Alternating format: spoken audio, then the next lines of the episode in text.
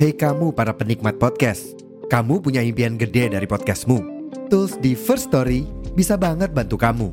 Mulai dari F-Link, Dynamic Audio Insertion, sampai statistik yang komprehensif, semua ada di First Story. Gak ketinggalan, kamu bisa monetisasi podcastmu lewat iklan dari First Story Ads yang bisa kasih kamu penghasilan dari setiap place podcastmu. Yuk gabung sekarang dengan klik di firststory.me. Sekali lagi, di firststory.me. Mari kita bawa mimpi podcastingmu menjadi kenyataan.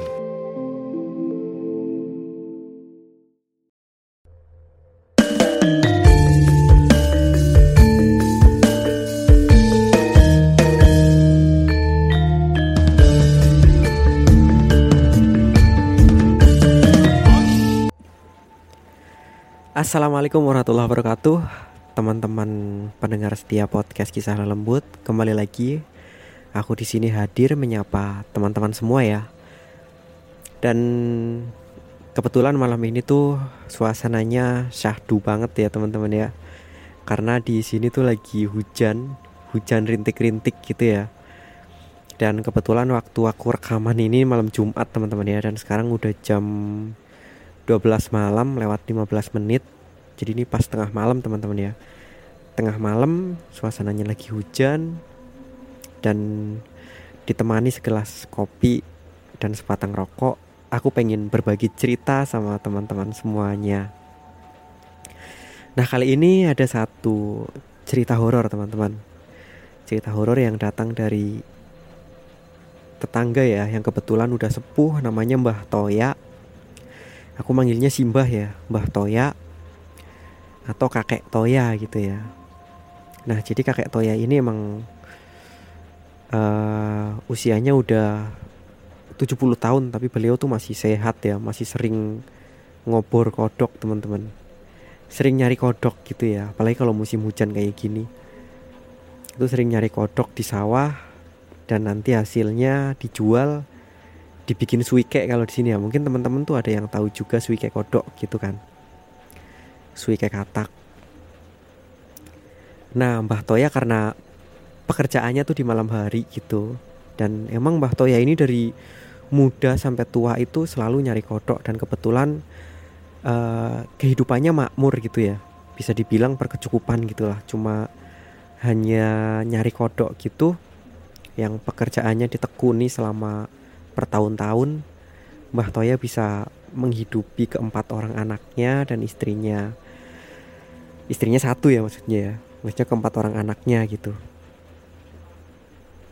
Sampai anaknya Mbah Toya itu semuanya kenal sama aku ya. Yang dua cewek yang dua cowok semuanya kuliah. Satu yang udah nikah tapi sekarang lagi menempuh S2 gitu. Tapi mungkin biaya sendiri gitu teman-teman ya. Ya kalau itu uh, urusan pribadinya Mbah Toya gitu ya. Entah yang biayai pendidikan siapa gitu. Tapi yang jelas aku pengen menceritakan satu kejadian horor ya walaupun kejadian horor yang dialami sama Mbah Toya ya udah pasti banyak banget teman-teman ya. Tapi satu aja yang pengen aku share ke teman-teman yaitu tentang kejadian horor yang dialami sama Mbah Toya. Tentunya waktu beliau lagi nyari kodok gitu lagi ngobor kodok di sawah ya. Nah, jadi Mbah Toya ini uh, biasa kalau berangkat ngobor kodok itu jam 9 malam ya teman-teman ya. Jam 9 malam udah berangkat, nanti pagi-pagi jam 4 pagi pulang. Terus nanti siang nanti ada yang ngambil hasil kodoknya ya, hasil ngobornya itu ya. Nanti diambil, biasanya yang ngambil itu warung suike yang udah langganan kodok sama Mbak Toya gitu dan itu per kilonya mahal teman-teman nah uh, seperti biasa malam itu Mbah Toya itu berangkat ngobor kodok jam 9 malam. Dan beliau itu biasanya tuh berangkat bareng teman-teman ya sama teman-temannya. Berangkat bareng tapi malam itu temennya tuh nggak ada yang mau diajak berangkat teman-teman. Jadi mereka tuh rata-rata pengen libur gitu. Apalagi malam itu hujannya tuh lumayan deras jadi mereka tuh ya kata Mbah Toya tuh lebih milih istirahat di rumah tidur ngelonin istri gitu ya. Ngelonin anak istri mungkin ya maksudnya. Yang ngelonin istri juga nggak apa-apa sih namanya juga suami istri gitu kan. Terus uh, akhirnya karena teman-temannya diajak pada nggak mau ya udah Mbah Toya berangkat sendiri kan.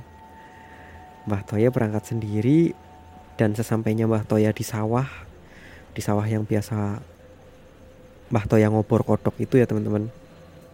Di sana tuh Mbah Toya nemu kayak ada satu benda itu di atas galengan ya. Galengan itu pematang teman-teman. Pematang sawah itu. Di atas pematang Mbah Toya itu senternya cahaya senternya itu menyoroti satu benda yang kelihatan mengkilat banget.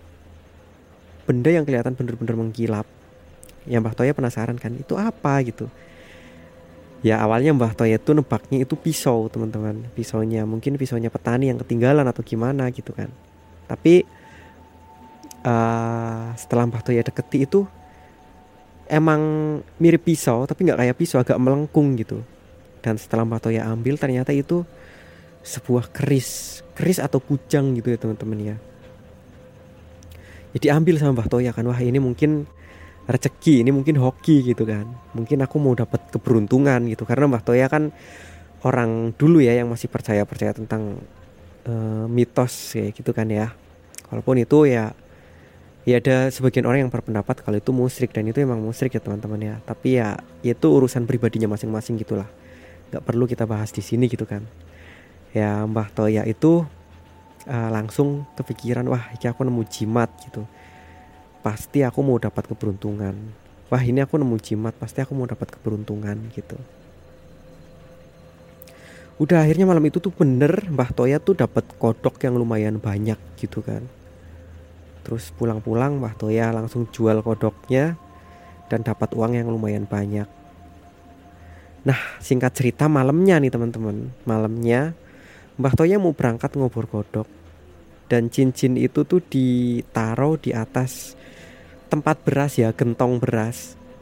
Jadi kalau teman-teman tahu ya, kalau mungkin bagi kolektor barang antik mungkin ada yang tahu ya. Itu ada gentong beras yang terbuat dari tanah liat atau apa gitu ya. Yang gede gitu bentuknya. Terus nanti di dalamnya buat naruh beras. Ada tutupnya biasanya teman-teman ya. Nah kerisnya tuh ditaruh sama Mbah Toya di atas gentong beras itu waktu Mbah Toya ke belakang ke ruang tengah ya yang ada kentong perasnya itu masuk kamar ternyata di sana tuh ada sosok hitam.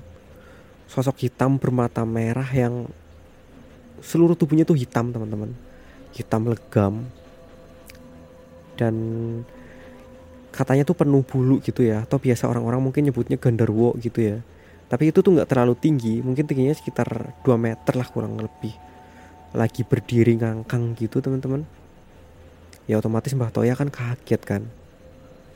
Dan yang bikin apa ya yang bikin Mbah Toya takut katanya tangan Ganderwo itu tuh menjulur mau nyekik Mbah Toya gitu.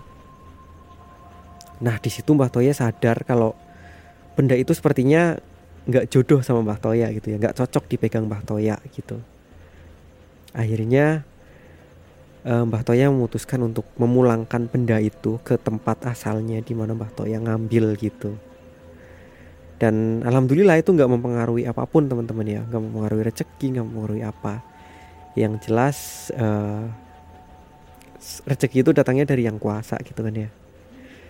Gitu teman-teman. Nah itu sepenggal cerita horor dari Mbah Toya yang aku share ke teman-teman semua. Semoga teman-teman terhibur ya dan semoga bisa menjadi asupan horor walaupun nggak terlalu banyak buat teman-teman semua pencinta cerita horor. Apalagi ini suasananya lagi hujan teman-teman ya. Dan mungkin ini mau langsung aku upload gitu walaupun tadi sore aku udah upload tapi kalau nggak nyampe mungkin aku upload malam minggu atau malam sabtunya gitu ya teman-teman. Yang jelas pas aku rekaman ini ini malam Jumat dan ini kondisinya lagi hujan.